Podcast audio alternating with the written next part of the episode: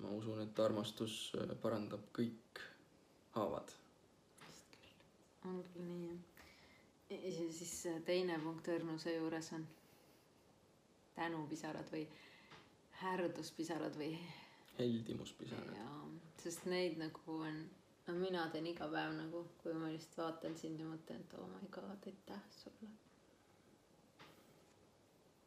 aitäh, et sa oled mu elus. Et kogu aeg on see armastuse, imetluse ja austuse tunne hästi-hästi suur ja see ongi see pühadus.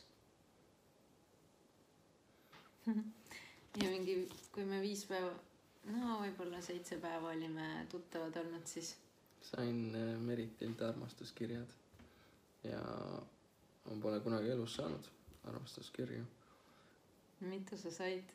ma sain viiskümmend armastuskirja.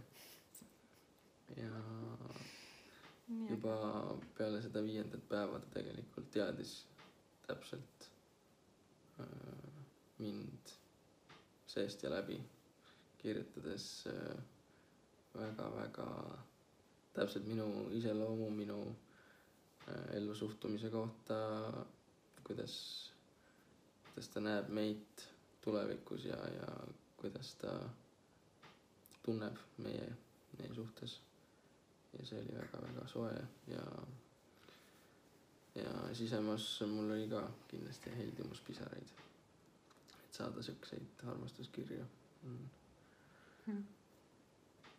on väga südantsoojendav. aitäh sulle. mm,. sina olid see inspiratsioon. ja nüüd me ei ole mõnda aega seda teinud, aga muidu me istusime ja ma lugesin sulle neid ette. ja sa ei suutnud tegelikult viiskümmend järjest vastu võtta, see oli nagu vau, praegu aitäh. teeme nüüd mingeid muid asju.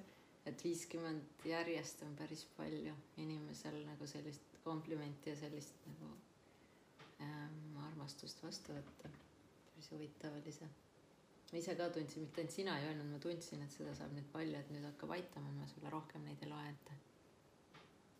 Aga et see on nii tore rituaal või mingid väiksed rituaalid mm,. näiteks mu arvutile, arvutil on sihuke väike südamekujuline äh, märkmeleht ja siis seal on äh, mulle kirjutatud äh, armastuskiri.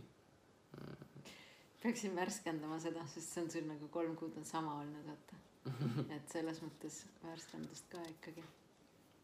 Et siuksed väiksed asjad on hästi-hästi-hästi olulised ka